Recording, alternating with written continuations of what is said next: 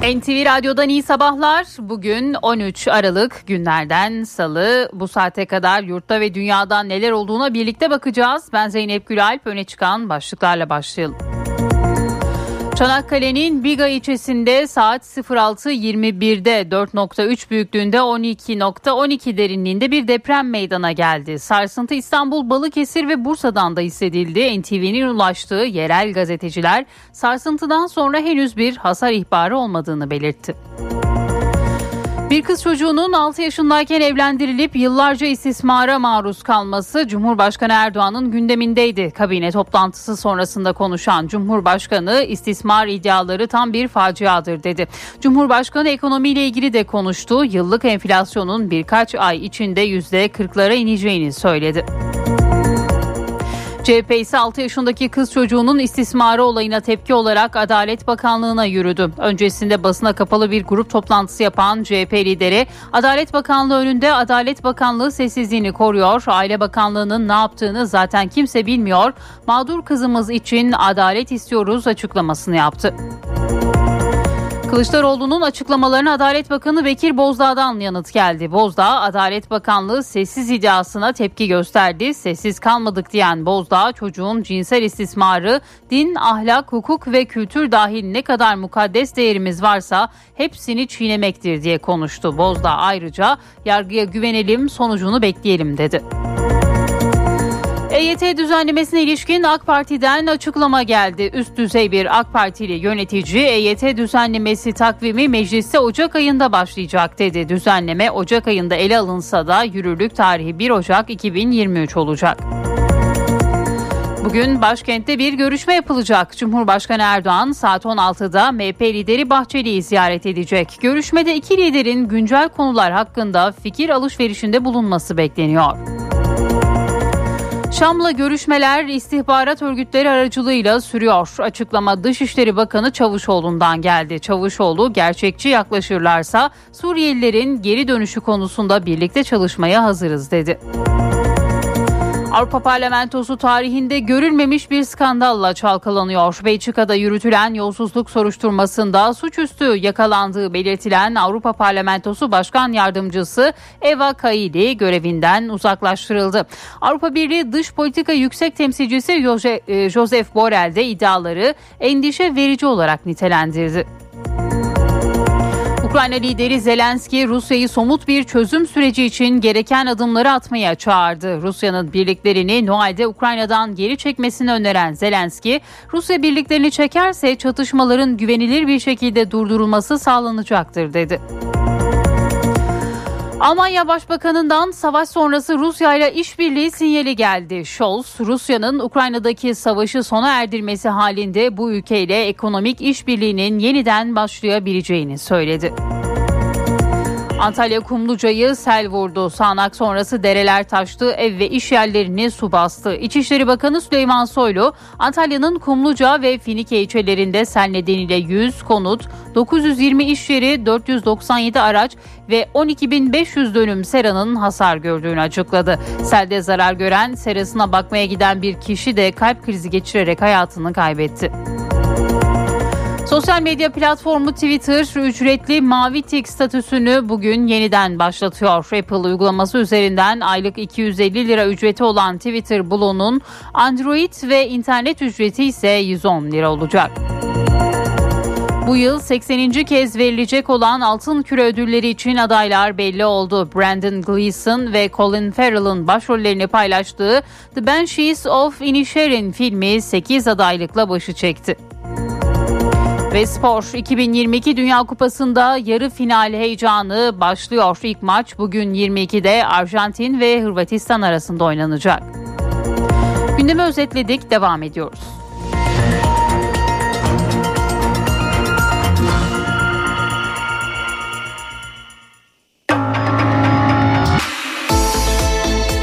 İşe giderken gazetelerin gündemi.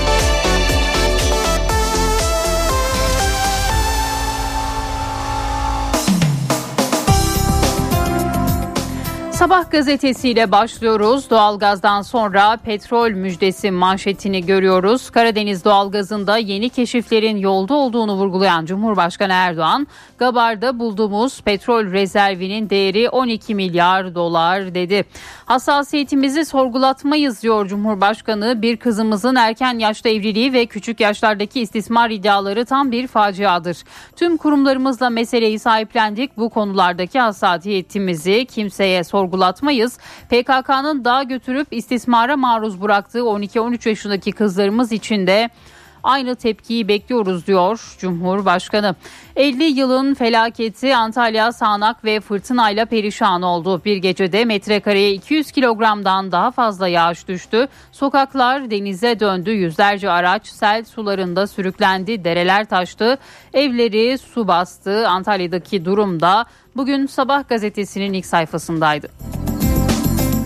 Hürriyet'in manşetinde bu duruşma bekleyemez başlığını görüyoruz. Kızı HKG'yi 6 yaşında evlendiren Hiranur Vakfı'nın kurucusu Yusuf Ziya Gümüşel, eşi Fatıma Gümüşel ve damat Kadir İstekli'nin yargılanacağı duruşmalar öne çekiliyor. Sanıklar Yusuf Ziya Gümüşel, eşi Fatıma Gümüşel ve damat Kadir İstekli 22 Mayıs'ta İstanbul'da mahkemeye çıkacak. Adalet Bakanlığı'ndaki üst düzey yetkililere göre bakanlık infiale neden olan bu olayın duruşmasının öne çekilmesi edilmesi görüşünde. Bu konuda hakimin takdiri bekleniyor. Muhtemelen duruşma öne çekilecek. Yetkililere göre Adalet Bakanlığı HKG'nin 6 yaşında evlendirilmesini yeni duydu. Haberin basında çıkması, iddianamenin hazırlanması ve dava açılmasıyla olaydan haberdar olundu. Kamuyu ilgilendiren ve ilgilendirebilecek konularda bakanlığın bilgilendirilmesi yönündeki genelgeye uyulmadığı anlaşıldı deniliyor Hürriyet gazetesinde. Adalet Bakanlığı'na yürüdü Kılıçdaroğlu'nun yürüyüşü ve Bakan Bozdağ'ın da Kılıçdaroğlu'na yanıtı da yine bugün Hürriyet gazetesinde yer buluyor. İstismartan bir facia Cumhurbaşkanı Erdoğan'ın e, konuya ilişkin açıklaması da yine Hürriyet'in ilk sayfasında Zuhal'i vuran polis tutuklandı. Polis ekipleri Beyoğlu Yay Sokak'taki Okçular Vakfı önünde iki motosiklet hırsızına dur ihtarı yaptı. 7 ayrı gasptan aranan hırsızlar Beyoğlu'nda motosikletle kaçmaya başlayınca polisler ateş açtı. Ancak mermilerden ikisi yoldan geçen Zuhal Ebrar Yıldız'a isabet etti. Yıldız kaldırıldığı hastanede yaşamını yitirdi. Gözaltına alınan iki polis memurundan AD tutuklandı. Bu başlıkta bugün Hürriyet'in ilk sayfasındaydı. Milliyetle devam edelim. El frenini çekip radyoyu kapatıp kilometreyi yazacak valelere standart manşetini görüyoruz. Park valeleri için yeterlilik belgesi zorunluluğu geliyor. Bunun için cinsel saldırı, çocuğun istismarı, uyuşturucu gibi suçlara karışmamak şartı aranacak diyor. Milliyet gazetesi istismar iddiası tam bir facia. Cumhurbaşkanı 6 yaşından itibaren istismar edilen HKG'nin davası ile ilgili gerekli çalışmaları yaptıklarını söyleyerek iddialar için tam bir facia dedi.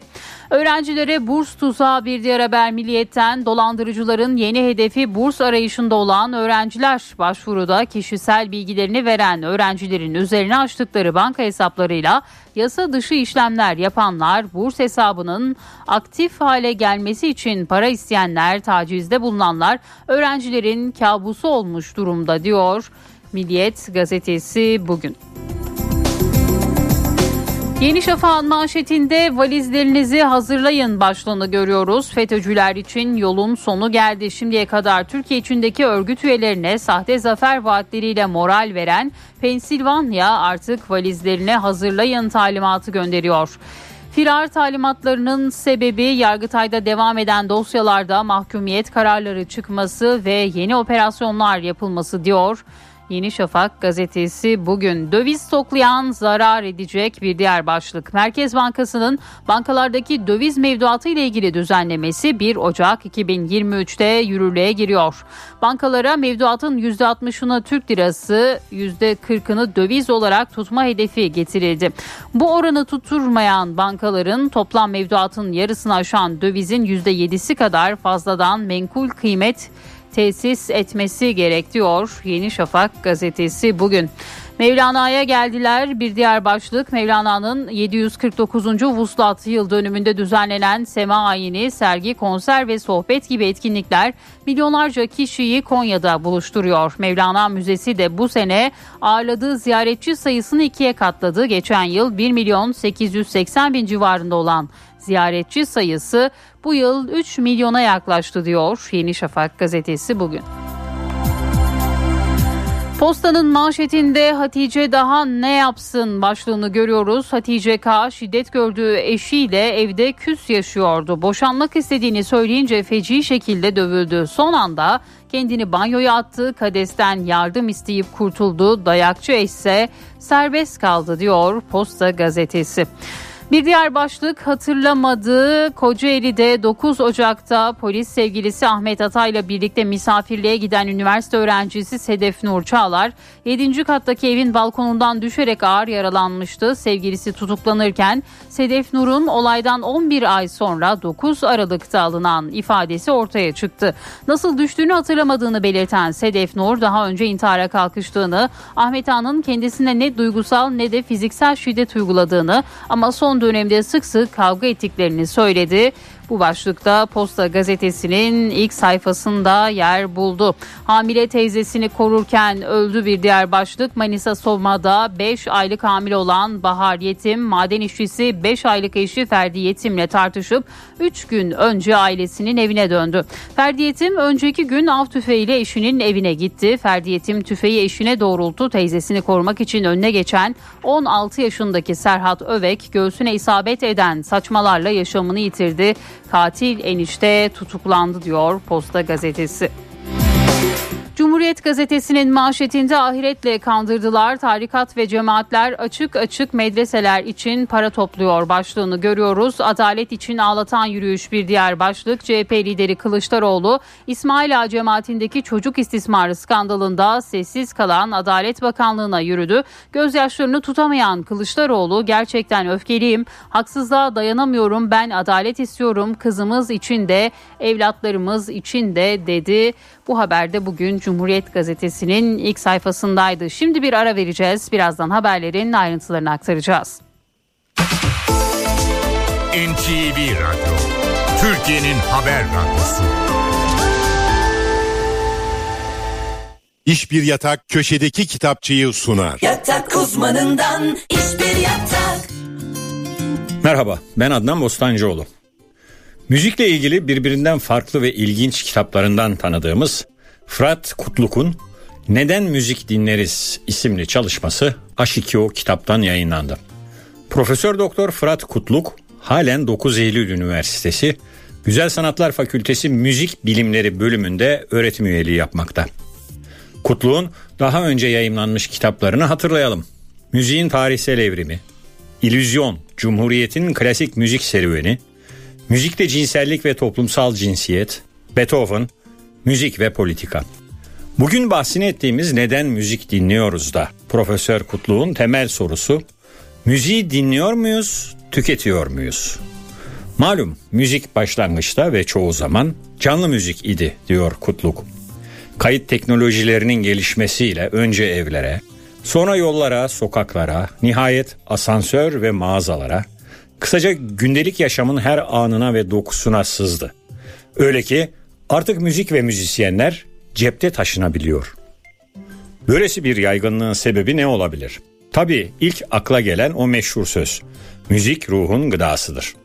Ama öte yandan kimileri de müziğin bu derece yaygın dinlenmesinin gerisinde dayatılan bir tüketim algısının olduğunu düşünüyor. Meselenin başka boyutları da var. Fırat Kutlu'nun işaret ettiği gibi mekana ve zamana bağlı olarak farklı müzikler dinleyebiliyoruz.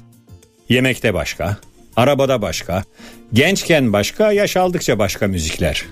Kitapta tartışılan konulardan biri de bu. Müzik beğenimiz değişiyor ama nasıl? Ya da konunun şu yanı. Batı klasik müziğini dinlemenin eğitimi, kültürel birikimi ya da yüksek sınıftan olmayı gerektirdiği düşünülür ama salgındaki kapatmalar sırasında gördük ki bütün İtalya opera aryalarını balkonlardan dinliyordu. Eğitim, kültür, sınıf ve benzeri müziğin kalitesinin ölçüsü olarak alındığında herhangi bir müziği beğenmek, sevmek, seçmek mümkün müdür? Bütün bu konulara ilgi duyanlar için Profesör Doktor Fırat Kutlu'nun Neden Müzik Dinleriz isimli kitabı son derece ufuk açıcı. Herkese iyi okumalar, hoşçakalın. İş Bir Yatak köşedeki kitapçıyı sundu. Yatak uzmanından iş bir yatak. NTV Radyo Daha sürdürülebilir bir çatı ve daha iyi bir dünya için Bras Çatı Sistemleri sunar. Doğa konuşmaları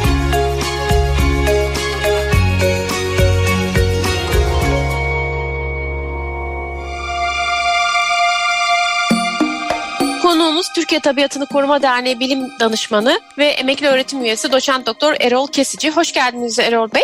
Teşekkür ederim Macide Hanım. Konumuz göller. Türkiye'deki göller üzerine birçok çalışmanız var, uzmanlığınız var. Yani gelen yansıyan medya haberler çok iç açıcı değil ama herhalde ilk etapta Türkiye'deki göllerin son durumu değerlendirmesiyle başlarsak güzel olur. Ülkemizdeki göllere baktığımız zaman doğal göller olarak ele almamız gerekiyor. Çünkü bizim için, bütün yaşam için, bütün dünya için doğal göllerin önemi çok büyük. Her birine baktığımız zaman milyonlarca yıllık yaşı var. Yani milyonlarca yıl önceden örneğin bir Eğirdir Gölü, bir Beyşehir Gölü 5 milyon yaşında. Van Gölü yine 6-7 milyon yaşında olan göller. Çok sayıda göllerimiz vardı. Biz bizim mesela bir göller öğrenimiz dünyada doğal göl açısından en çok sayıda göle sahip yerdi. Hı hı. İklim kuşağı olarak baktığımız zaman yine aynı şekilde aynı enlem dairesi arasındaki bulunan ülkeler arasında en çok göllerimiz vardı ama maalesef bizim son yıllarda göllerimiz hani göl dediğimiz zaman gerçekten biyolojik açıdan bilimsel açıdan ele alabileceğimiz neredeyse bir gölümüz maalesef kalmadı. Geçen yıllarda söyledim 8-10 sene önce 60 yılda 60 gölümüzü kuruttuk diye. Evet, çok ciddi bir Gerçekten rakam. Son yıllarda tabii bu rakam yüzü bulmakta. Bizim 200'den fazla irili ufaklı doğal göllerimiz vardı. Bakın doğal göllerden bahsediyorum. Yapay göllerden, göletlerden bahsetmiyoruz. Evet. Ki bunların çok büyük bir kısmı kurudu. Durum gerçekten çok tehlikeli. Biraz sonra bahsedeceğiz. Çözümü var mı? Elbette çözümü Evet. var. Neden tehlikeli? Çünkü biz bir göl su deposu olarak alırsak yanılırız. Denilir ki işte iklim krizi nedeniyle işte kuraklık meydana geldi. Hayır, bu tamamen terstir. Mevcut olan sularımız kuruduğu için iklim krizi meydana gelmiştir. Biz sularımızı kuruttuğumuz için, Hı hı. nemsiz kaldığımız için iklim krizi oluyor. Bakın suyun doğal bir çevrimi var. Çok basit. İlkokul işte bize öğrettiler bunu değil mi? Nehirlerdeki, derelerdeki sular işte hava koşullarına göre işte buharlaşarak yukarıya çıkar. Bulutlar bulunduğu kısımdan yağış olarak, kar dolu olarak döner. Ve bu dünya olduğu olalı bu şekilde olmuş. Eğer nemimiz ne kadar fazlaysa bizim iklimimiz de o kadar zengin. Biz göllerimizi çok aşırı kullanımla kuruttuk. Daha sürdürülebilir bir çatı ve daha iyi bir dünya için Bras Çatı Sistemleri sundu.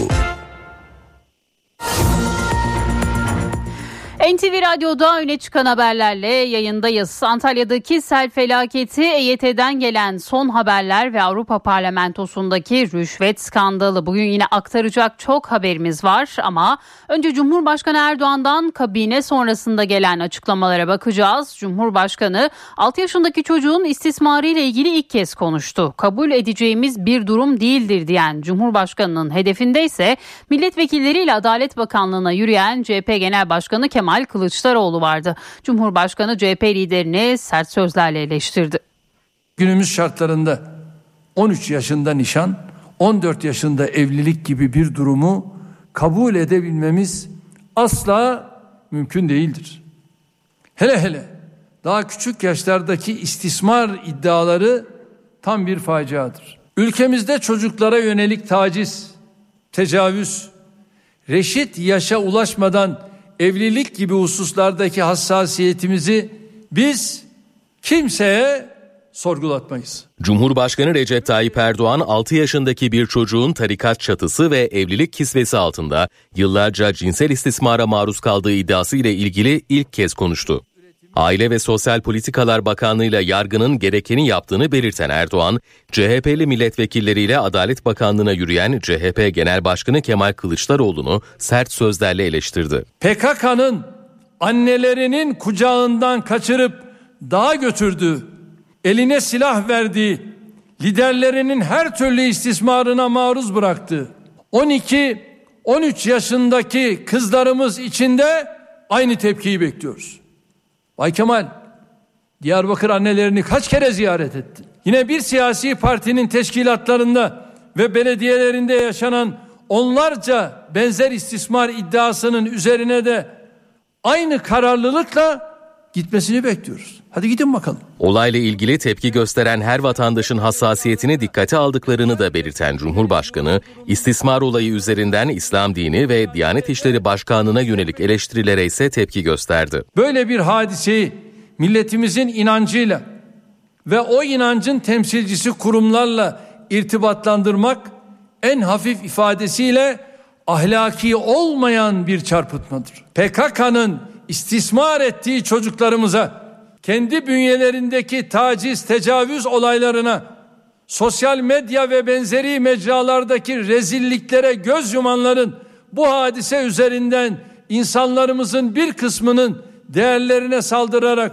onlara linç uygulamaya kalkışmasına rıza göstermiyoruz. Vatandaşlardan bu konuda hiçbir kaygı duymamalarını da isteyen Erdoğan, her türlü haksızlık, vicdansızlık, hukuksuzluk ve ahlaksızlık gibi bu konuyu da her seviyede takip etmeyi ve neticelendirmeyi sürdüreceğiz dedi. CHP dün önce olağanüstü çağrıyla meclis grubunu topladı. Basına kapalı bir görüşme gerçekleşti. Sonrasında da CHP lideri ve beraberindeki milletvekilleri meclisten Adalet Bakanlığı'na yürüdü.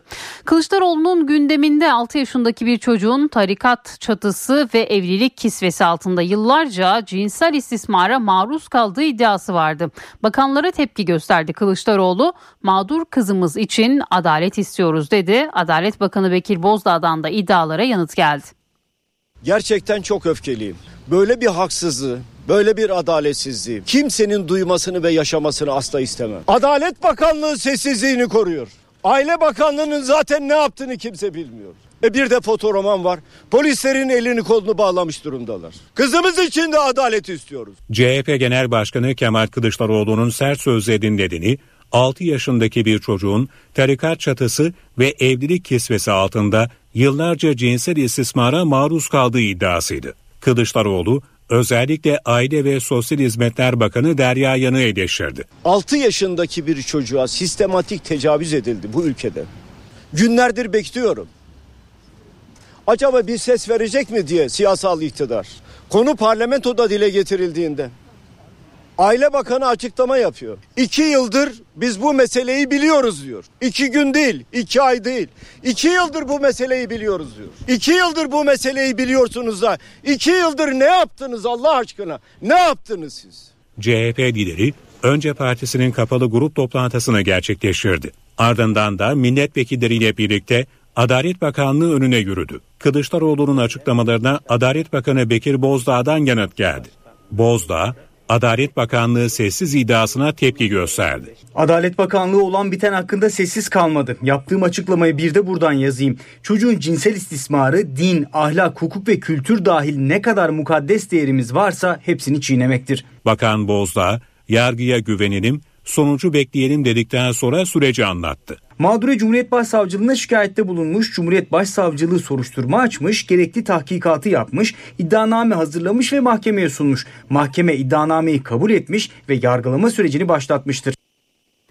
EYT'lilerin akıllarında birçok soru var. Düzenlemenin içeriği, düzenlemede bir yaş sınırının olup olmayacağı bu sorular henüz belli değil ancak meclis takvimi belli oldu. AK Partili üst düzey bir yönetici EYT düzenlemesiyle ilgili takvim Ocak ayında başlayacak dedi.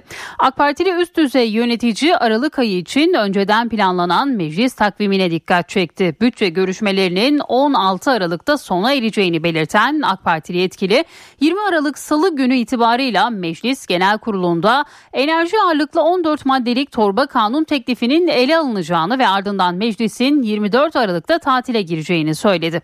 Aynı yetkili 3 Ocak'ta tekrar çalışmalarına başlayacak olan Meclis Genel Kurulu'nun ilk iş olarak hem EYT hem de devletteki sözleşmeli personele kadro imkanı getirecek düzenlemeyi ele alacağını kaydetti. Düzenlemenin Ocak ayında ele alınmasının EYT'lilerin 1 Ocak 2023 itibariyle emekli olmalarını engel olmayacağı, düzenlemenin yürürlük tarihinin 1 Ocak olacak şekilde çıkacağı belirtiliyor. Bugün başkent Ankara'da bir görüşme var. Cumhurbaşkanı Erdoğan, MHP Genel Başkanı Devlet Bahçeli'yi ziyaret edecek. Ziyaret saat 16'da gerçekleşecek. Görüşmede iki liderin güncel konular hakkında fikir alışverişinde bulunması bekleniyor. Cumhurbaşkanı Erdoğan ziyaretin ardındansa Türkiye, Azerbaycan, Türkmenistan Devlet Başkanları zirvesine katılmak için Türkmenistan'a gidecek. Cumhurbaşkanı Erdoğan'la MHP Genel Başkanı Devlet Bahçeli son olarak 9 Kasım'da Beştepe'de bir araya gelmişti. NTV Radyo Bülteni hazırlarken Çanakkale'nin Biga ilçesinden bir deprem haberi geldi. Saat 6.21'de 4,3 büyüklüğünde bir deprem oldu. Afet ve Acil Durum Yönetimi Başkanlığı'nın paylaştığı bilgiye göre deprem yerin 12,1 kilometre derinliğinde gerçekleşti. Sosyal medyada sarsıntının İstanbul, Balıkesir ve Bursa'dan da hissedildiğine ilişkin paylaşımlar yapıldı. NTV'nin ulaştığı yerel gazeteciler ise henüz bir hasar ihbarı olmadığını belirtti. Dün de Antalya'nın Kumluca ve Finike ilçelerini sel vurmuştu. Selin ardından hasar tespit çalışmaları sürüyor. İçişleri Bakanı Süleyman Soylu ilk incelemelerde 100 konut, 920 iş yeri ve 497 aracın zarar gördüğünü açıkladı. Sel bölgesindeki okullar bugün de tatil edildi. Dereler taştı, otomobiller suda sürüklendi. Evleri, iş yerlerini su bastı. Çok sayıda sera su altında kaldı. Sağnak Antalya'da sel felaketine dönüştü. Belki 50 yıldır böyle bir şey görmedik. Yani bir anda suların böyle yukarıya doğru yükselişini gördük ve arabaları bütün alıp e, yolun içerisine caddeden sürüklediğini görmeye başladık. Bütün otoparklar birinci katlar su içerisinde yükselmeye başladı. Kumluca'da ilçe merkezinden geçen 3 dere taştı. Çok sayıda araç denize doğru sürüklendi. Otomobiller üst üste çıktı. İçişleri Bakanı Süleyman Soylu selin vurduğu Kumluca'da inceleme yaptı. Hasar tespit çalışmalarının sürdüğünü açıkladı. Şu ana kadar e, 497 araç hasar gördü. Yaklaşık şu ana kadar 100 konutun hasar gördüğü tespit edildi ama tespit devam ediyor. Daha tespitlerin henüz başında. 920 iş yeri şimdilik bir hasar tespiti söz konusu. Su basan ev ve iş yerleri balçıkla doldu. Çok sayıda iş yerinin camı kırıldı. Cadde ve sokaklar adeta göle döndü. Bazı yollar trafiğe kapatıldı. Geldik her şeyler gitmiş, iş varmış, bir şey kalmamış bizim geldiğimizde. Akşamdan beri uğraşıyoruz böyle temizleyeceğiz. Baktık pencereden arabamızın üstünde bir arabayla gidiyor. Siyah bir araba da ta ileriden beri geldi. Artık yapacak hiçbir şey yok. Canımızı kurtarmak için seyrettik. Belediye vatandaşlara dışarı çıkmamaları konusunda sık sık anonslarla uyarı yaptı. Bir uyarı da Finike Kaymakamlığından geldi. Kaymakamlık 3 gün boyunca çeşme suyu kullanılmaması konusunda çağrıda bulundu. Örtü altı üretim merkezi olan Kumluca'da çok sayıda sera su altında kaldı. Zarar gören serasına bakmaya giden bir kişi ise kalp krizi geçirerek hayatını kaybetti. Ee, 12.000 12.500 döneminde dönümünde şu ana kadar bir hasar var, bir zarar var. Sadece Kumluca değil, Finike ve Demre'de selden etkilendi. Bazı evlerin duvarları ve yolları yıkıldı. Finike ve Kumluca ilçelerinde 2022 yılının en yüksek yağış miktarına ulaşıldı.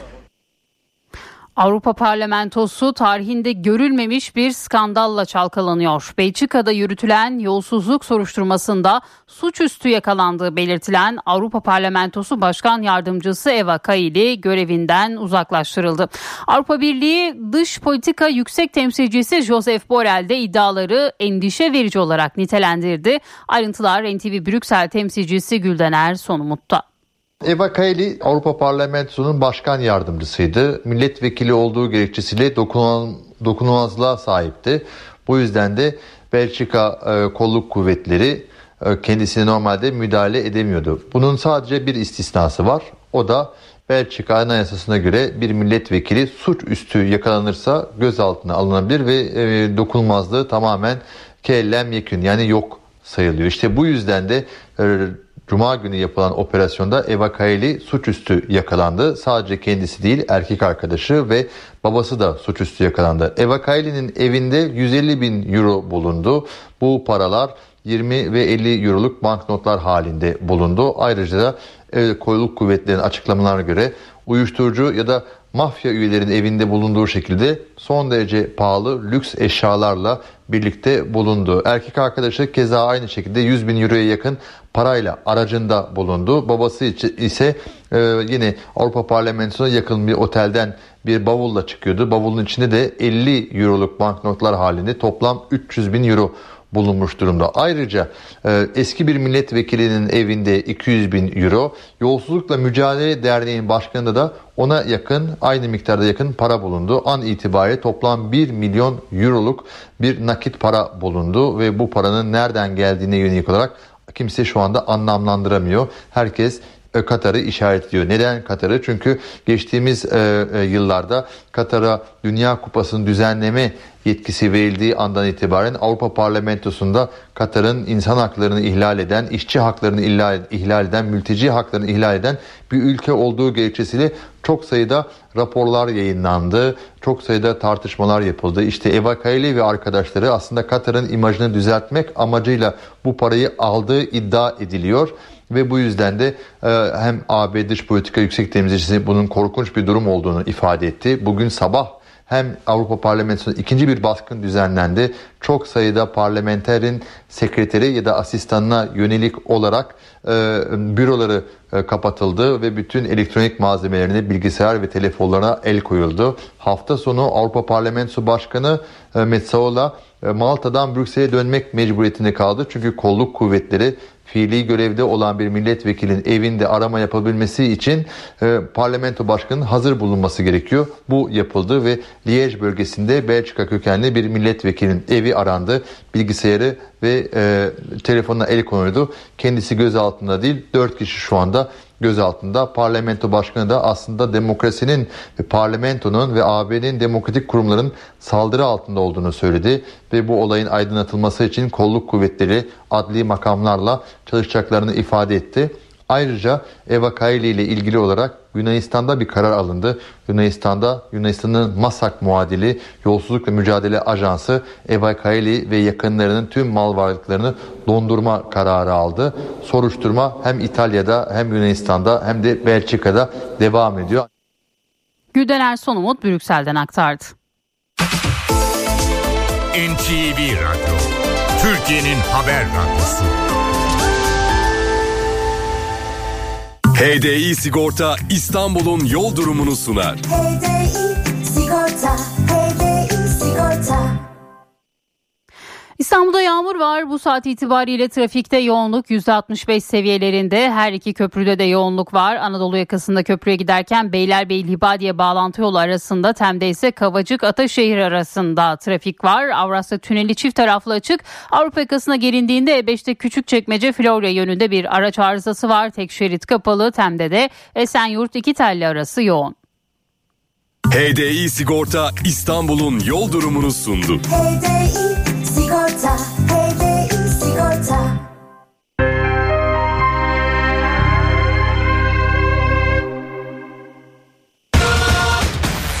Mağaza ve ofis zeminlerinin depo ve yürüme yollarının en yeni en etkili boyası Düfa Zemin Boyaları spor haberlerini sunar.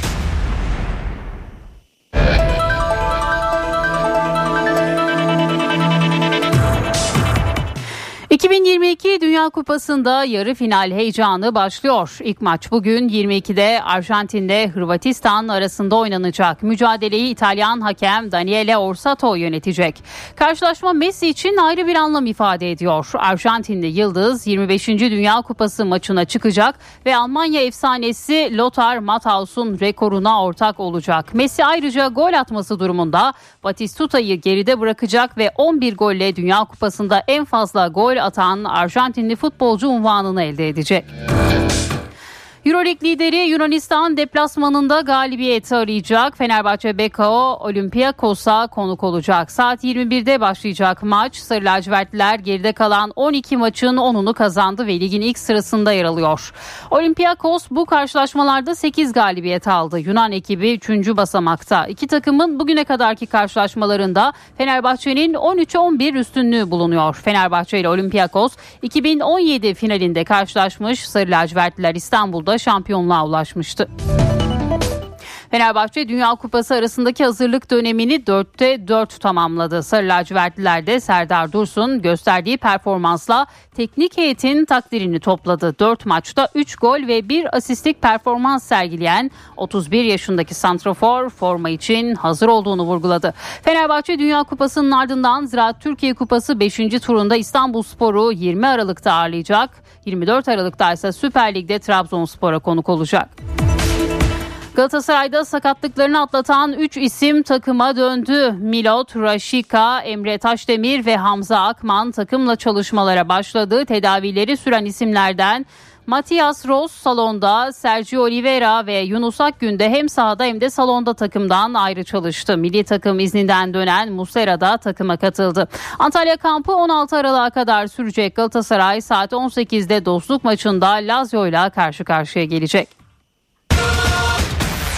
Mağaza ve ofis zeminlerinin depo ve yürüme yollarının en yeni en etkili boyası Düfa Zemin Boyaları spor haberlerini sundu. NTV Radyo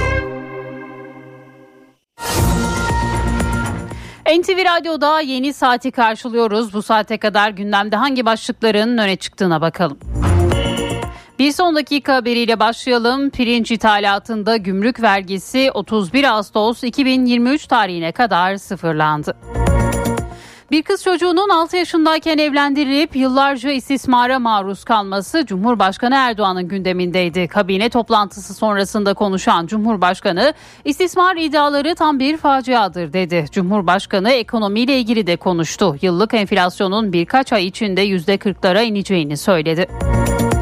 CHP ise 6 yaşındaki kız çocuğunun istismarı olayına tepki olarak Adalet Bakanlığı'na yürüdü. Öncesinde basına kapalı bir grup toplantısı yapan CHP lideri Adalet Bakanlığı önünde Adalet Bakanlığı sessizliğini koruyor. Adalet Bakanlığı'nın ne yaptığını zaten kimse bilmiyor.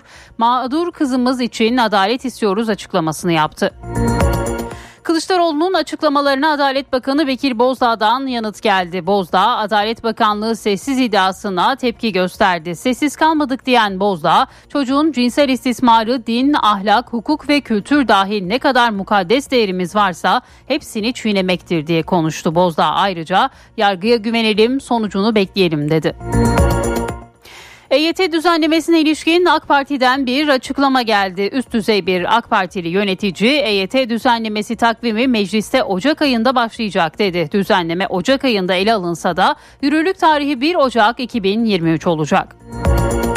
Bugün başkentte bir de görüşme yapılacak. Cumhurbaşkanı Erdoğan saat 16'da MHP lideri Bahçeli'yi ziyaret edecek. Görüşmede iki liderin güncel konular hakkında fikir alışverişinde bulunması bekleniyor.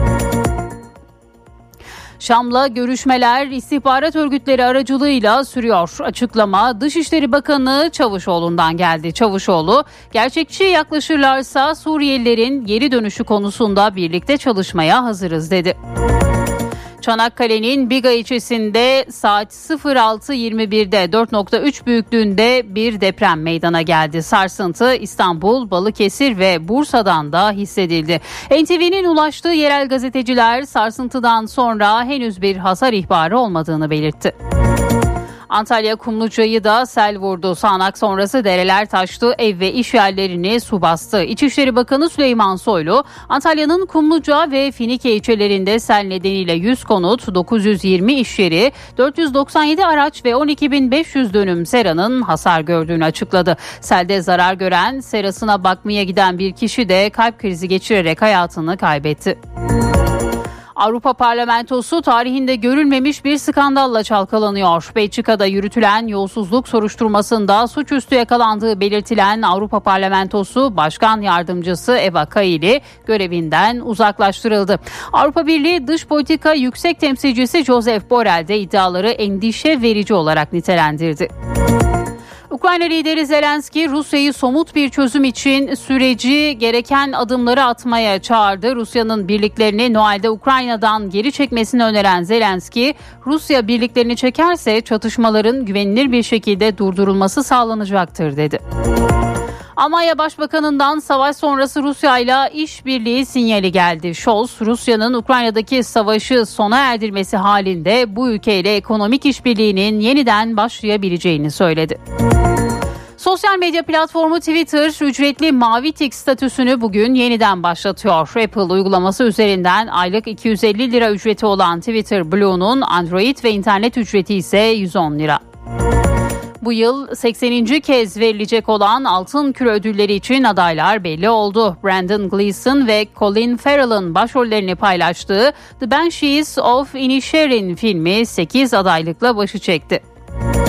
Ve Spor 2022 Dünya Kupası'nda yarı final heyecanı başlıyor. İlk maç bugün 22'de Arjantin'le Hırvatistan arasında oynanacak. Bu sabahın öne çıkan başlıkları böyle devam edelim.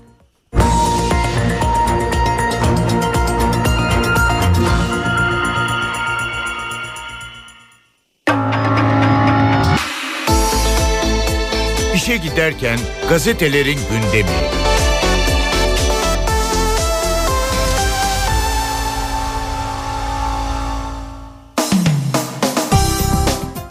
Sabah gazetesiyle başlıyoruz. Doğalgazdan sonra petrol müjdesi manşetini görüyoruz. Karadeniz doğalgazında yeni keşiflerin yolda olduğunu vurgulayan Cumhurbaşkanı Erdoğan, Gabar'da bulduğumuz petrol rezervinin değeri 12 milyar dolar dedi. Hassasiyetimizi sorgulatmayız diyor Cumhurbaşkanı. Bir kızımızın erken yaşta evliliği ve küçük yaşlardaki istismar iddiaları tam bir faciadır. Tüm kurumlarımızla meseleyi sahiplendik. Bu konulardaki hassasiyetimizi kimseye sorgulatmayız. PKK'nın daha götürüp istismara maruz bıraktığı 12-13 yaşındaki kızlarımız için de aynı tepkiyi bekliyoruz diyor Cumhurbaşkanı. 50 yılın felaketi bir diğer haber Antalya sağanak ve fırtınayla perişan oldu. Bir gecede metrekareye 200 kilogramdan fazla yağış düştü. Sokaklar denize döndü. Yüzlerce araç sel sularında sürüklendi. Dereler taştı, evleri su bastı diyor Sabah gazetesi. Antalya'daki durumu da bu şekilde ilk sayfasına taşıyor. Hürriyet'in manşetinde bu duruşma bekleyemez başlığını görüyoruz. Kızı HKG, HKG'yi 6 yaşında evlendiren Hiranur Vakfı'nın kurucusu Yusuf Ziya Gümüşel, eşi Fatıma Gümüşel ve damat Kadir İstekli'nin yargılanacağı duruşmalar öne çekiliyor. Sanıklar Yusuf Ziya Gümüşel, eşi Fatıma Gümüşel ve damat Kadir İstekli 22 Mayıs'ta İstanbul'da mahkemeye çıkacak. Adalet Bakanlığı'ndaki üst düzey yetkililere göre bakanlık infiale neden olan bu olayın duruşmasının öne çekilmesi görüşünde. Bu konuda hakimin takdiri bekleniyor. Muhtemelen duruşma öne çekilecek. Yetkililere göre Adalet Bakanlığı HKG'nin 6 yaşında evlendirilmesini yeni duydu. Haberin baş, basında çıkması, iddianamenin hazırlanması ve dava açılmasıyla olaydan haberdar oldu. Kamuyu ilgilendiren ve ilgilendirebilecek konularda bakanlığın bilgilendirilmesi yönündeki genelgeye uyulmadığı anlaşıldı deniliyor. Hürriyet gazetesinin manşetinde yer buluyor. Bu konuda Cumhurbaşkanı'nın konuya ilişkin görüşleri de yine Hürriyet gazetesinde yer alıyor. İstismar tam bir facia başlığıyla bir diğer haberse Zuhal'i vuran polis tutuklandı başlığıyla. Polis ekipleri Beyoğlu Yay Sokak'taki Okçular Vakfı önünde iki motosiklet hırsızına dur ihtarı yaptı. 7 ayrı gasptan aranan hırsızlar Beyoğlu'nda motosikletle kaçmaya başlayınca polisler ateş açtı. Ancak mermilerden ikisi yoldan geçen Zuhal Ebrar Yıldız'a isabet etti. Yıldız kaldırıldığı hastanede yaşamını yitirdi. Gözaltına alınan iki polis memurundan AD tutuklandı diyor. Hürriyet bugün 20 yıl kaldı İstanbul Los Angeles roketle yarım saat olacak. NASA'da görevli astrofizikçi Doktor Umut Yıldız inovasyon haftası için geldi İstanbul'da Hürriyet'e konuştu. Çok yakında başlayacak roketle seyahati anlattı.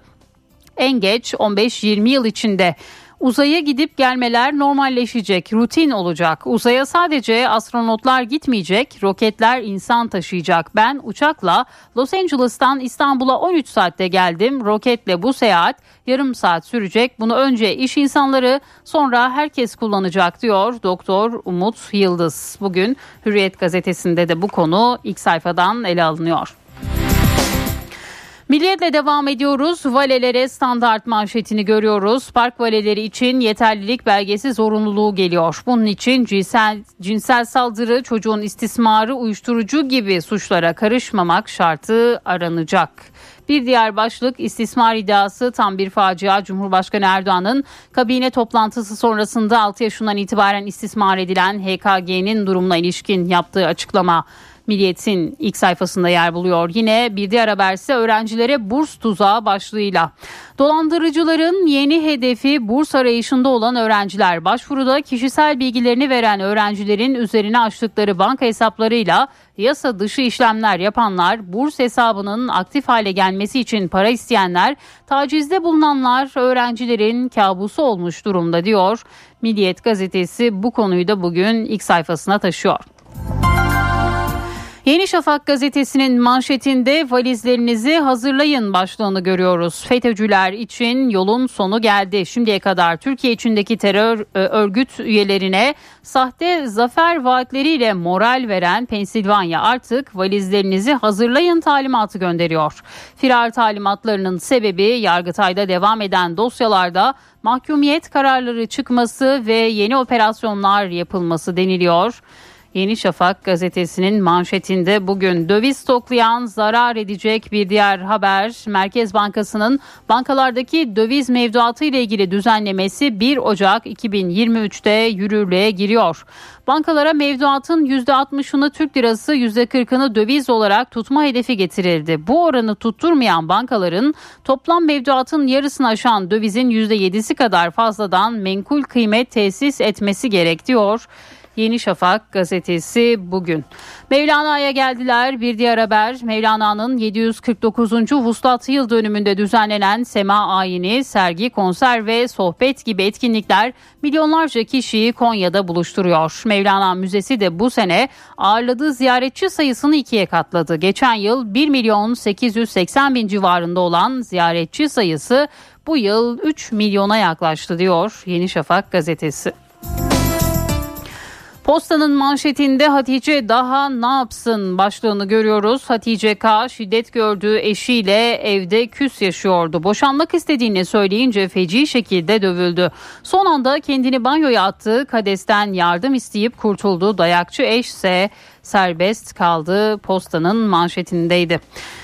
Bir diğer başlık düştükten 11 ay sonra ifade verdi hatırlamadı. Kocaeli'de 9 Ocak'ta polis sevgilisi Ahmet Atay'la birlikte misafirliğe giden üniversite öğrencisi Sedef Nur Çağlar 7. kattaki evin balkonundan düşerek ağır yaralanmıştı. Sevgilisi tutuklanırken Sedef Nur'un olaydan 11 gün son 11 ay sonra 9 Aralık'ta alınan ifadesi ortaya çıktı. Nasıl düştüğünü hatırlamadığını belirten Sedef Nur daha önce intihara kalkıştığını Ahmet Ağa'nın kendisine ne duygusal ne de fiziksel şiddet uyguladığını ama son dönemde sık sık kavga ettiklerini söyledi.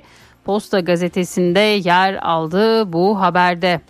Cumhuriyet Gazetesi ile devam edelim. Ahiretle kandırdılar manşeti yer buluyor. Tarikat ve cemaatler açık açık medreseler için para topluyor deniliyor. Cumhuriyet Gazetesi'nin manşetinde adalet için ağlatan yürüyüş bir diğer haber. CHP lideri Kılıçdaroğlu İsmail Ağa cemaatindeki çocuk istismarı skandalında sessiz kalan Adalet Bakanlığı'na yürüdü. Gözyaşlarını tutamayan Kılıçdaroğlu Gerçekten öfkeliyim, haksızlığa dayanamıyorum. Ben adalet istiyorum. Kızımız için de, evlatlarımız için de dedi. Ve bu başlıkta Cumhuriyet'in ilk sayfasındaydı.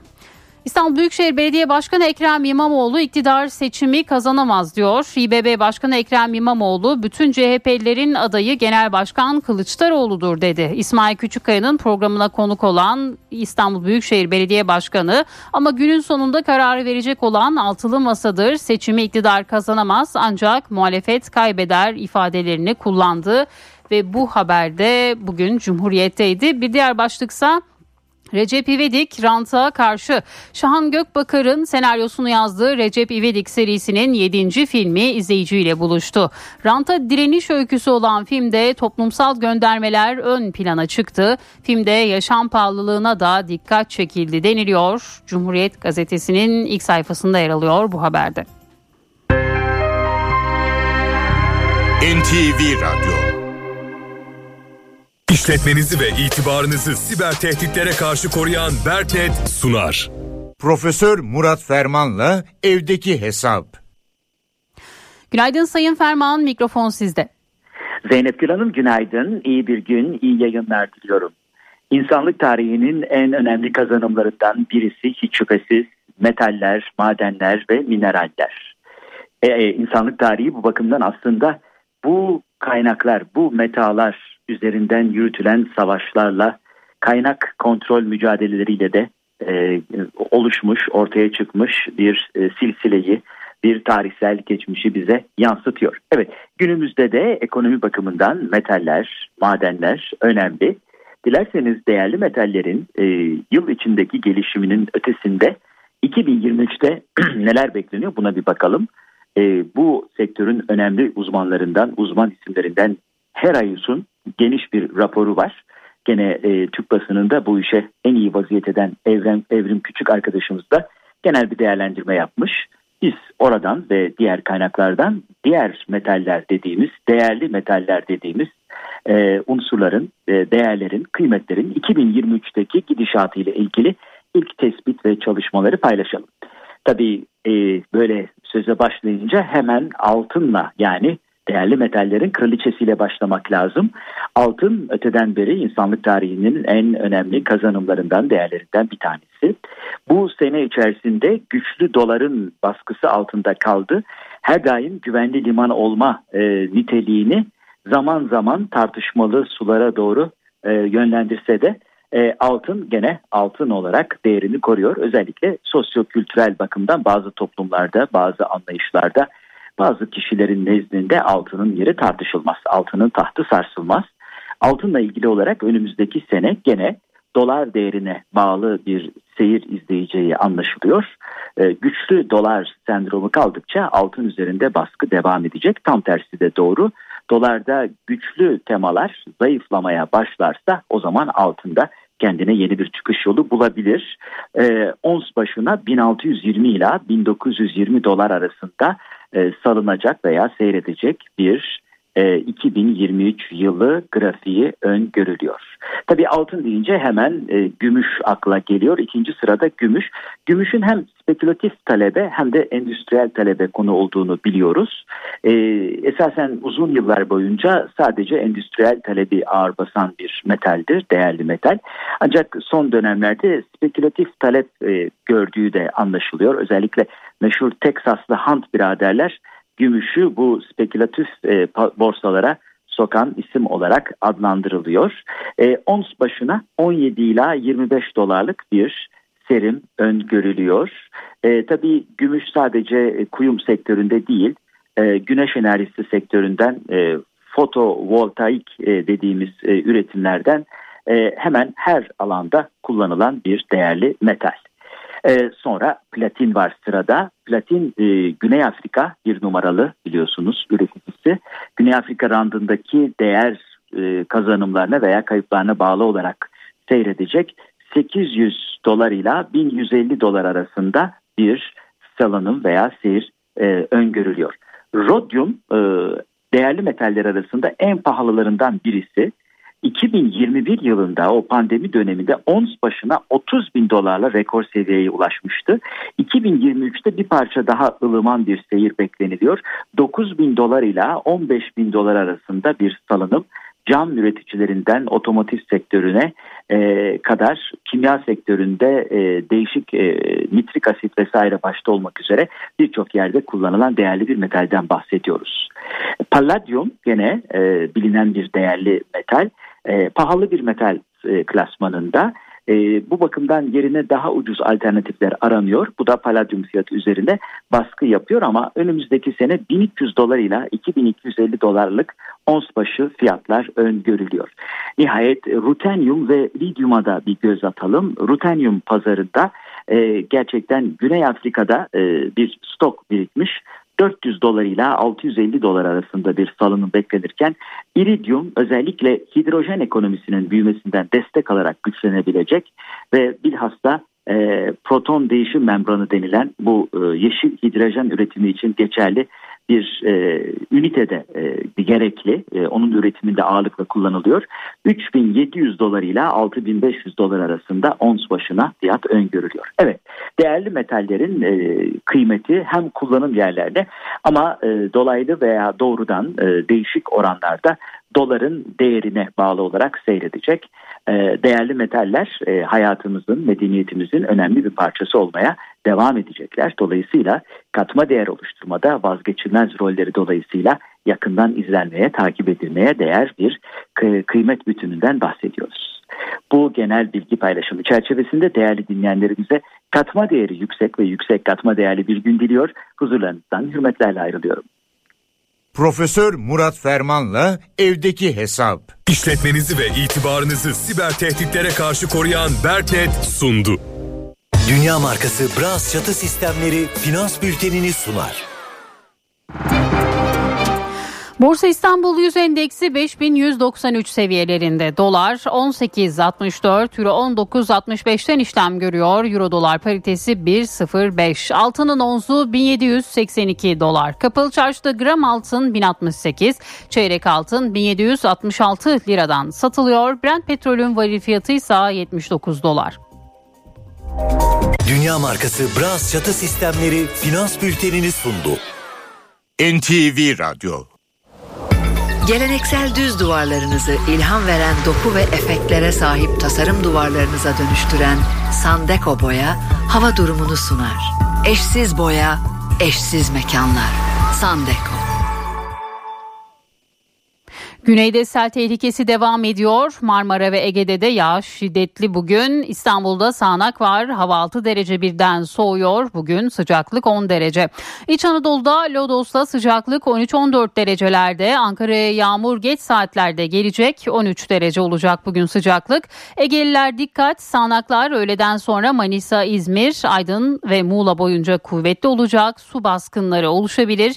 İzmir 16 derece. Antalya'da sel tehlikesi sürüyor. Merkez, Alanya, Manavgat, Kemer, Kumluca boyunca bu akşam ve yarın arasında 100 kilogram üzerinde yağış düşmesi bekleniyor. Sıcaklık 19 derece olacak. Güneydoğu'da da yağış var bugün. Doğu Anadolu'da Erzurum, Van, Hakkari bölümü yağışlı. Erzurum'a kar yağacak. Karadeniz'de de hava soğuyor. Dağlara kar yağacak.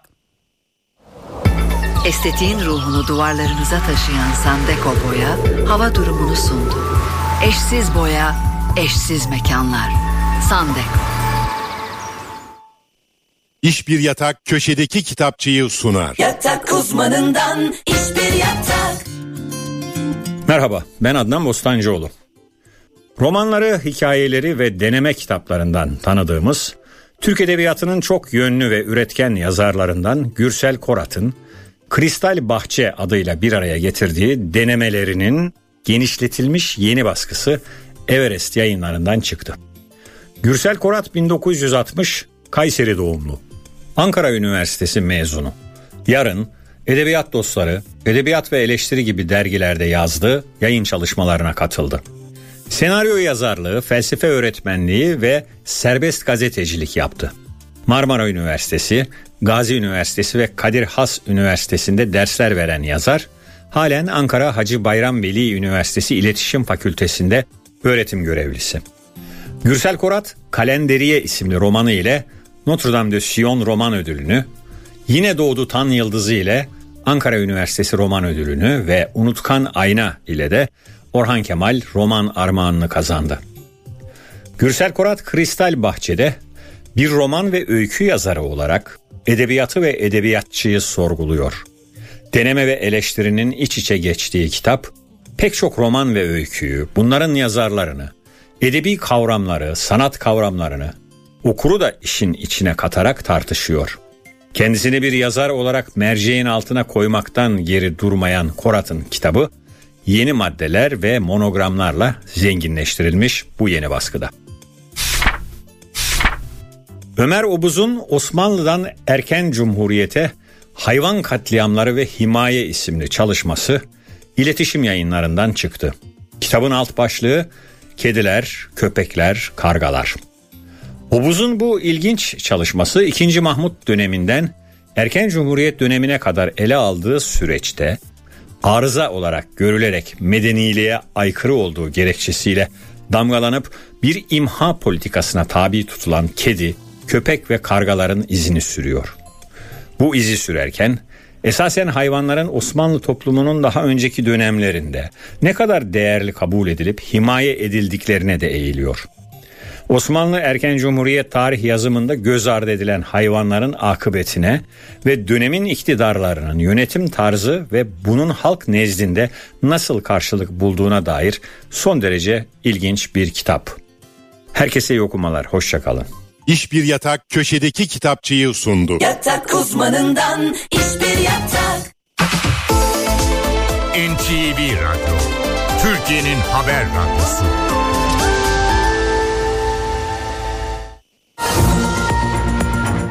Saat 8.30 oldu. NTV Radyo'da haberleri aktarmaya devam ediyoruz. Bir kız çocuğunun 6 yaşındayken evlendirilip yıllarca istismara maruz kalması Cumhurbaşkanı Erdoğan'ın gündemindeydi. Kabine toplantısı sonrasında konuşan Cumhurbaşkanı günümüz şartlarında 13 yaşında nişan, 14 yaşında evlilik gibi bir durumu kabul edebilmemiz asla mümkün değildir. Hele hele daha küçük yaşlarda istismar iddiaları tam bir faciadır. Ülkemizde çocuklara yönelik taciz, tecavüz, reşit yaşa ulaşmadan evlilik gibi hususlardaki hassasiyetimizi biz hiç kimseye sorgulatmayız dedi. CHP ise 6 yaşındaki kız çocuğunun istismarı olayına tepki olarak Adalet Bakanlığı'na yürüdü. Öncesinde basına kapalı bir grup toplantısı yapan CHP lideri Adalet Bakanlığı önünde Adalet Bakanlığı sessizliğini koruyor. Aile Bakanlığı'nın ne yaptığını zaten kimse bilmiyor. Mağdur kızımız için adalet istiyoruz açıklamasını yaptı. Kılıçdaroğlu'nun açıklamalarına Adalet Bakanı Bekir Bozdağ'dan da yanıt geldi. Bozdağ, Adalet Bakanlığı sessiz iddiasına tepki gösterdi. Sessiz kalmadık diyen Bozdağ, çocuğun cinsel istismarı, din, ahlak, hukuk ve kültür dahil ne kadar mukaddes değerimiz varsa hepsini çiğnemektedir diye konuştu. Bozdağ ayrıca yargıya güvenelim sonucunu bekleyelim dedi. Konu Meclis Genel Kurulu'ndaki bütçe görüşmelerinde de gündemdeydi. İktidar ve muhalefet milletvekilleri karşı karşıya geldi. 6 yaşındaki bir çocuğun tarikat çatısı ve evlilik kisvesi altında yıllarca cinsel istismara maruz kaldığı iddiası siyasetin gündeminde. Meclis Genel Kurulu'ndaki bütçe mesaisinin 8. günü bu tartışmayla başladı. Ortada deliller ve fotoğraflar var. Buna rağmen iddianame iki yılda hazırlanıyor ve ortada tek bir tutuklu yok. Aile Bakanlığı iki yıldır nerede? Mağdur olan kızımızı almışlar.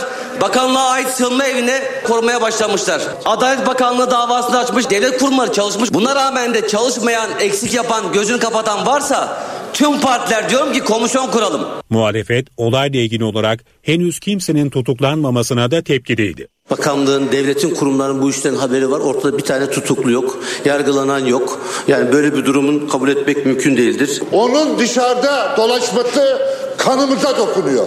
Millet olarak kanımıza dokunuyor. Siyasetin görevi değil diyor bir de Aile Bakanı. Bu meclisin daha önemli bir görevi yok. Toplumu korumayacaksak siyaset niye var? AK Parti ve MHP sözcüleri ise sürecin devam ettiğini belirterek adaletin yerini bulacağı mesajı verdi. Bu meselenin araştırılması ve kurumlar açısından da kimin ihmali varsa onun tespit edilerek üzerine, üzerine gidilmesi hususundaki bu irade birliğimizi son derece önemli görüyorum. AK Parti bu işten sorumludur, kapatıyordur iddia ağır bir iddia ve küllen reddediyoruz. Ben hakim olsam şu an gördüğüm bilgilerle tutuklarım. Fakat hakim değilim. Bırakın hakim savcı işlemini yapsın, incelemesini yapsın. İçişleri Bakanı Süleyman Soylu Antalya İl Emniyet Müdürlüğü'nde bir açıklama yapıyor. Canlı olarak mikrofona taşıyoruz. Kıbrıs Malta hareketliliğini görebildik. Ve Masak'la beraber yapmış olduğumuz çalışmalar ardından Ankara Cumhuriyet Başsavcılığı'nın koordinasyonunda gerçekleştirilen çalışmalar sonucunda Nisan ayından itibaren gerek teknik izleme gerek bu konuda elde ettiğimiz bilgilerin analizi gerek binlerce hesabın MASAK tarafından izlenmesi ve takip edilmesi ve Cumhuriyet Savcılığı kararıyla ardından da atılan adımlarla Ekim 2022'de bir ön operasyon gerçekleştirdik. Ardından da yine bu sabah itibariyle yeni bir operasyonu başlattık. Kapsamda özellikle bu bahse konu organizasyonda 15 adet bahis sitesinin bulunduğu Bu sitelerin vergi kolaylığı olan ada ülkelerinde hayata geçirildiği ki esas itibariyle menşe olarak Malta. Kurulan yasa dışı bahis sitelerinin ülkemizde özellikle kaçak maç yayını yapan siteler başta olmak üzere sosyal medya uygulamaları, fenomenler, GSM telefonlarına atılan mesajlar ve çağrı merkezleri aramaları yoluyla büyütülmeye çalışıldı. Yine oynayıcıların kendilerini tercih etmesi için yüksek miktarda bonus ve yüksek bahis oranları verilerek bu siteleri tercih eden oynayıcı sayılarının arttırıldığı, yasa dışı bahis dışında çok çeşitli farklı kumar oyunlarına da sitelerde yer vererek oynayıcı sayılarını genişlettikleri görülmüştür. Bu organizasyonu gerçekleştiren ve Halil Falyan'ın yakınlarda dahil olmak üzere yaklaşık toplam 136 kişi sadece organizatör olarak tespit edilmiştir. Ve bu tespit edilen organizatörlerin şu ana kadar 808 milyon paralarına maddi varlıklarına el konulmuştur ki bu daha bir başlangıçtır. Bugün yaptığımız operasyonla birlikte 136 kişinin şu ana kadar 101 kişisi gözaltına alınmıştır. Ve e, inanıyorum ki özellikle vatandaşlarımızın kendi ağlarına düşürerek onları hem sanal bahis hem de sanal kumar üzerinden gerçekleştirdikleri bu kötücül yaklaşım, kötücül durum yaptığımız bu operasyonlarla akamete uğratılacaktır, uğrayacaktır. Sanal bahis ve sanal kumar meselesinin de paraların nakli yine tespit ettiğimiz kripto borsa sayesinde başka ülkelere aktarılmaktadır. Bu operasyon uzun zamandan beri Ankara Cumhuriyet Başsavcılığı, MASAK ve Siber Suçlar Daire Başkanlığımız tarafından gerçekleştirilen ve kendi alanında da önemli bir e, örnek olan ve bundan sonra da devam edecek bir operasyondur. Bu operasyonlardaki temel zorluk şudur. Anında yakaladığınız sanal bahis, sanal kumar, kripto varlıkla paraların başka ülkelere transferlerinde ancak anlık işlek, işlem yapabilme kabiliyetine sahipsiniz. Bu da e, suç gelirlerindeki çok az bir miktara el atabilmenizi gerçekleştirebiliyor. Oysa bu operasyon uzun zamandır e, izlenen, uzun zamandır takip edilen bu operasyon çerçevesinde e, hem olayın menşei olan ülkeler yani Malta dahil olmak üzere hem olayın koordine edildiği ülkeler Kıbrıs dahil olmak üzere yani Kuzey Kıbrıs Türk Cumhuriyeti ve Güney Kıbrıs'ta var muhakkak ve oralardaki e, atılan adımlar, yapılan organizasyonlar dahil olmak üzere hepsinin tespit edildiği, yapıldığı ve gerçekleştirildiği bir operasyon olarak e, nitelendirilmektedir. 13 Aralık 2022 tarihinde başlatılan uluslararası sanal ağ operasyonu ikinci aşama olarak şu anda yaklaşık 19 ilde gerçekleştirilmiştir.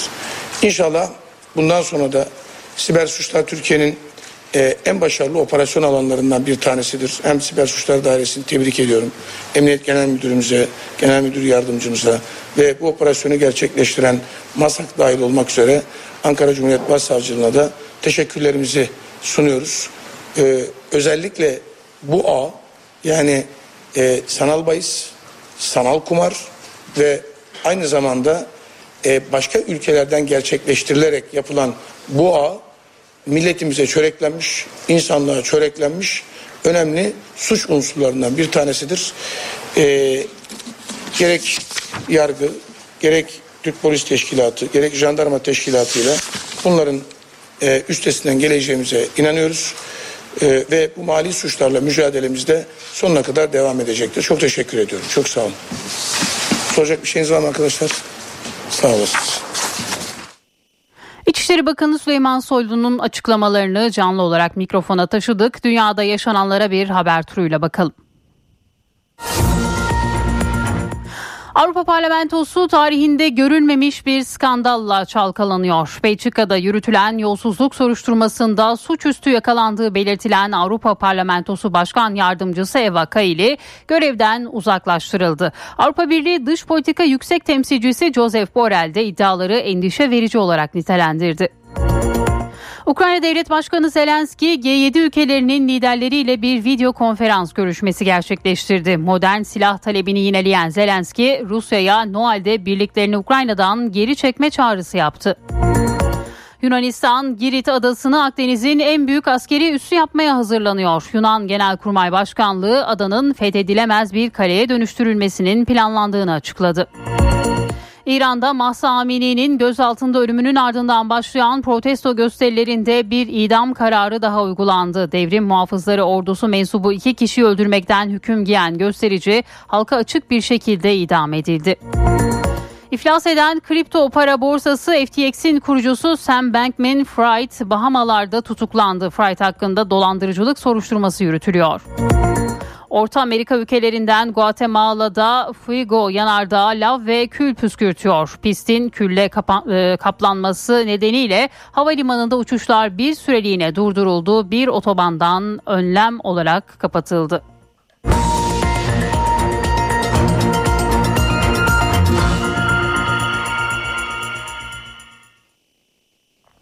Bu yıl 80. kez verilecek olan Altın Küre ödülleri için adaylar belli oldu. İşte Altın Küre için yarışacak filmler, diziler ve oyuncular arasında öne çıkanlar. Television series drama. Hollywood Yabancı Basın Birliği bu yıl 80. kez verilecek olan Altın Küre ödülleri için aday listesini açıkladı. Hilary Swank, Alaska Daily.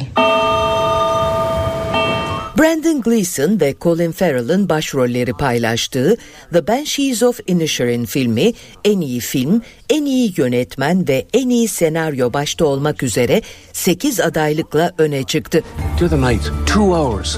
Talking to me. Müzikal ya da komedi dalında aday gösterilen filmin başrolü Colin Farrell'la yardımcı erkek ve kadın oyuncuları da ödüle aday gösterildi.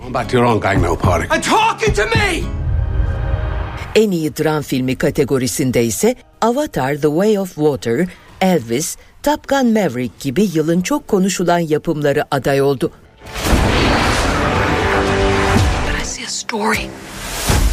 Everything Everywhere All at Once filmi 6 dalda aday olurken Brad Pitt'in de yer aldığı Babylon'la Steven Spielberg'ün yönetmenliğini üstlendiği The Fablemans 5 dalda adaylık kazandı. NTV Radyo, Türkiye'nin haber radyosu. HDI Sigorta İstanbul'un yol durumunu sunar. HDI sigorta, HDI sigorta. İstanbul'da yağmur var. Bu saat itibariyle trafikte yoğunluk %76 seviyelerinde. Her iki köprüde de yoğunluk var. Anadolu yakasında köprüye giderken Beylerbeyi Libadiye bağlantı yolu arasında Tem'de ise Kavacı Küçük Bakkalköy arasında trafik var. Avrasya Tüneli çift taraflı açık Avrupa yakasına gelindiğinde E5'te Haramidere Ambarlı yönünde bir araç arızası var. Tek şerit kapalı. Tem'de de Esenyurt iki telli arasında yoğunluk gözleniyor. HDI Sigorta İstanbul'un yol durumunu sundu. HDI sigorta,